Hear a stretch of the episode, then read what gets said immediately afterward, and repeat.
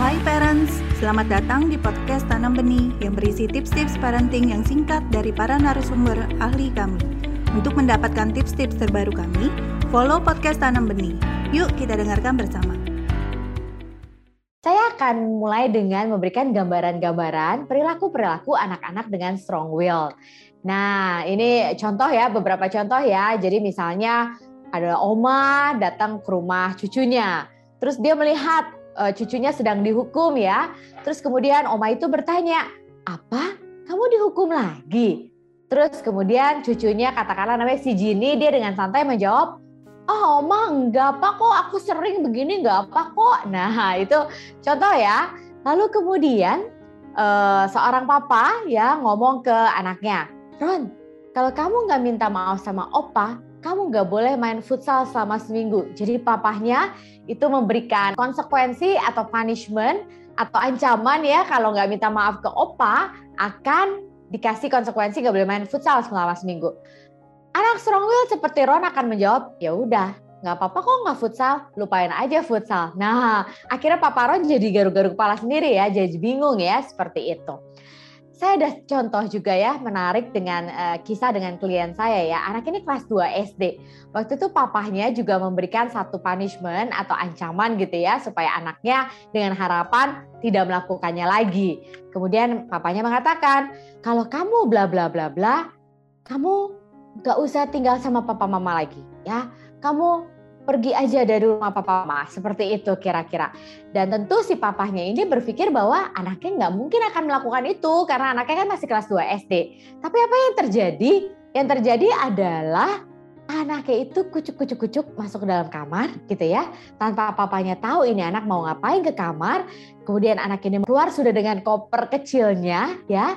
Dan kemudian keluar pagar dan supirnya yang akhirnya bertanya ke papahnya Bapak, ini mau diapain? Nah, pada saat itu semua bingung. Papahnya bingung, mamahnya bingung, dan supirnya juga bingung ya. Ternyata anak ini menanggapi ancaman atau punishment dari papanya dengan berani seperti itu. Dan kemudian papanya akhirnya bilang ke supirnya, ya udah ajak saja anak ini jalan-jalan, nanti pulang lagi. Nah akhirnya punishment atau konsekuensi yang tadinya disampaikan oleh papanya ya tidak akan mungkin terjadi juga kan seperti itu. Saya mau sharing juga nih pengalaman dengan anak, anak saya. Kalau saya perhatikan ya anak saya yang kedua itu punya karakteristik strong will. Nah uh, dulu ya dulu anak saya yang kedua itu sulit sekali ya untuk minta maaf.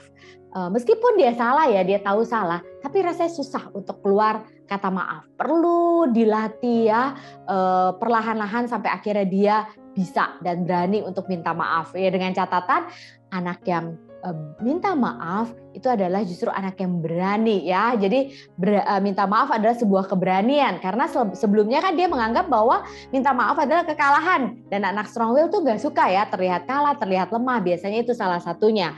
Lalu kemudian ketika dia sariawan ya, dia sakit. Ini menarik ya. Jadi dia tidak gosok gigi pada malam hari itu. Nah, ketika dia tidak gosok gigi, yang biasanya dia gosok gigi kan saya bilang, "Oh, kamu malam ini nggak gosok gigi karena kamu lagi sariawan, mulut kamu sakit." Jadi saya memberi memberikan empati pada dia ya. Terus apa yang dikatakan anak saya? Enggak kok, enggak katanya. Terus saya pikir, oh ini karena dia nggak mau mengakui ya bahwa dia sakit gitu ya. Saya bilang, it's okay kok ya merasa sakit. It's okay ketika selama sariawan kamu uh, tidak gosok gigi ya malam ini. Nanti kalau besok udah lebih baik kamu akan gosok gigi lagi. Saya bilang begitu. Dia bilang, enggak, enggak gitu ya. Nah, apa yang terjadi besok pagi menarik ya. Tanpa saya tanya ya, Terus kemudian anak saya tiba-tiba ngomong begini ke saya pagi-pagi. Kemarin malam aku nggak sikat gigi bukan karena aku sehariawan kok katanya. Tapi karena emang aku nggak mau aja. Jadi dia tetap menunjukkan bahwa ya kendali tetap di atas di, di tangan dia ya. Aku tidak melakukan sikat gigi ya karena aku tidak mau gitu, bukan karena aku sakit. Lalu kemudian aku bisa, aku bisa apa pun dia menunjukkan bahwa dia bisa. Satu sisi kan kita uh, senang ya, Uh, tapi di sisi lain kan memang ada hal-hal yang memang belum bisa untuk anak seusianya. Kayak misalnya potong pakai pisau tajam ya, nah, itu kan belum bisa. Tapi apa juga dia mau bisa dan mau mengerjakan sendiri. Nah, ketika dihadapkan pada seperti ini, saya juga tidak mau ya menurunkan inisiatifnya dia, mematahkan semangat dia. Saya bilang e, ada hal-hal yang kalau anak seumur kamu belum bisa, it's okay. Memang itu wajar ya. Masih perlu dibantu orang tua. Saya kasih contohnya apa. Terus kemudian saya juga pernah ya kasih konsekuensi kalau kamu begini seminggu ini tidak bisa nonton TV. Terus apa yang terjadi? Anak saya bilang, ya udah, nggak nonton TV. Dia bilang begitu. Dia lebih memilih untuk menerima konsekuensi daripada mengakui gitu ya. Jadi itu adalah gambaran-gambaran anak strong willed ya dari yang saya ceritakan semua itu. Terima kasih telah mendengarkan podcast Tanam Benih. Jangan lupa follow podcast Tanam Benih. Tidak pernah ada kata terlambat loh untuk belajar.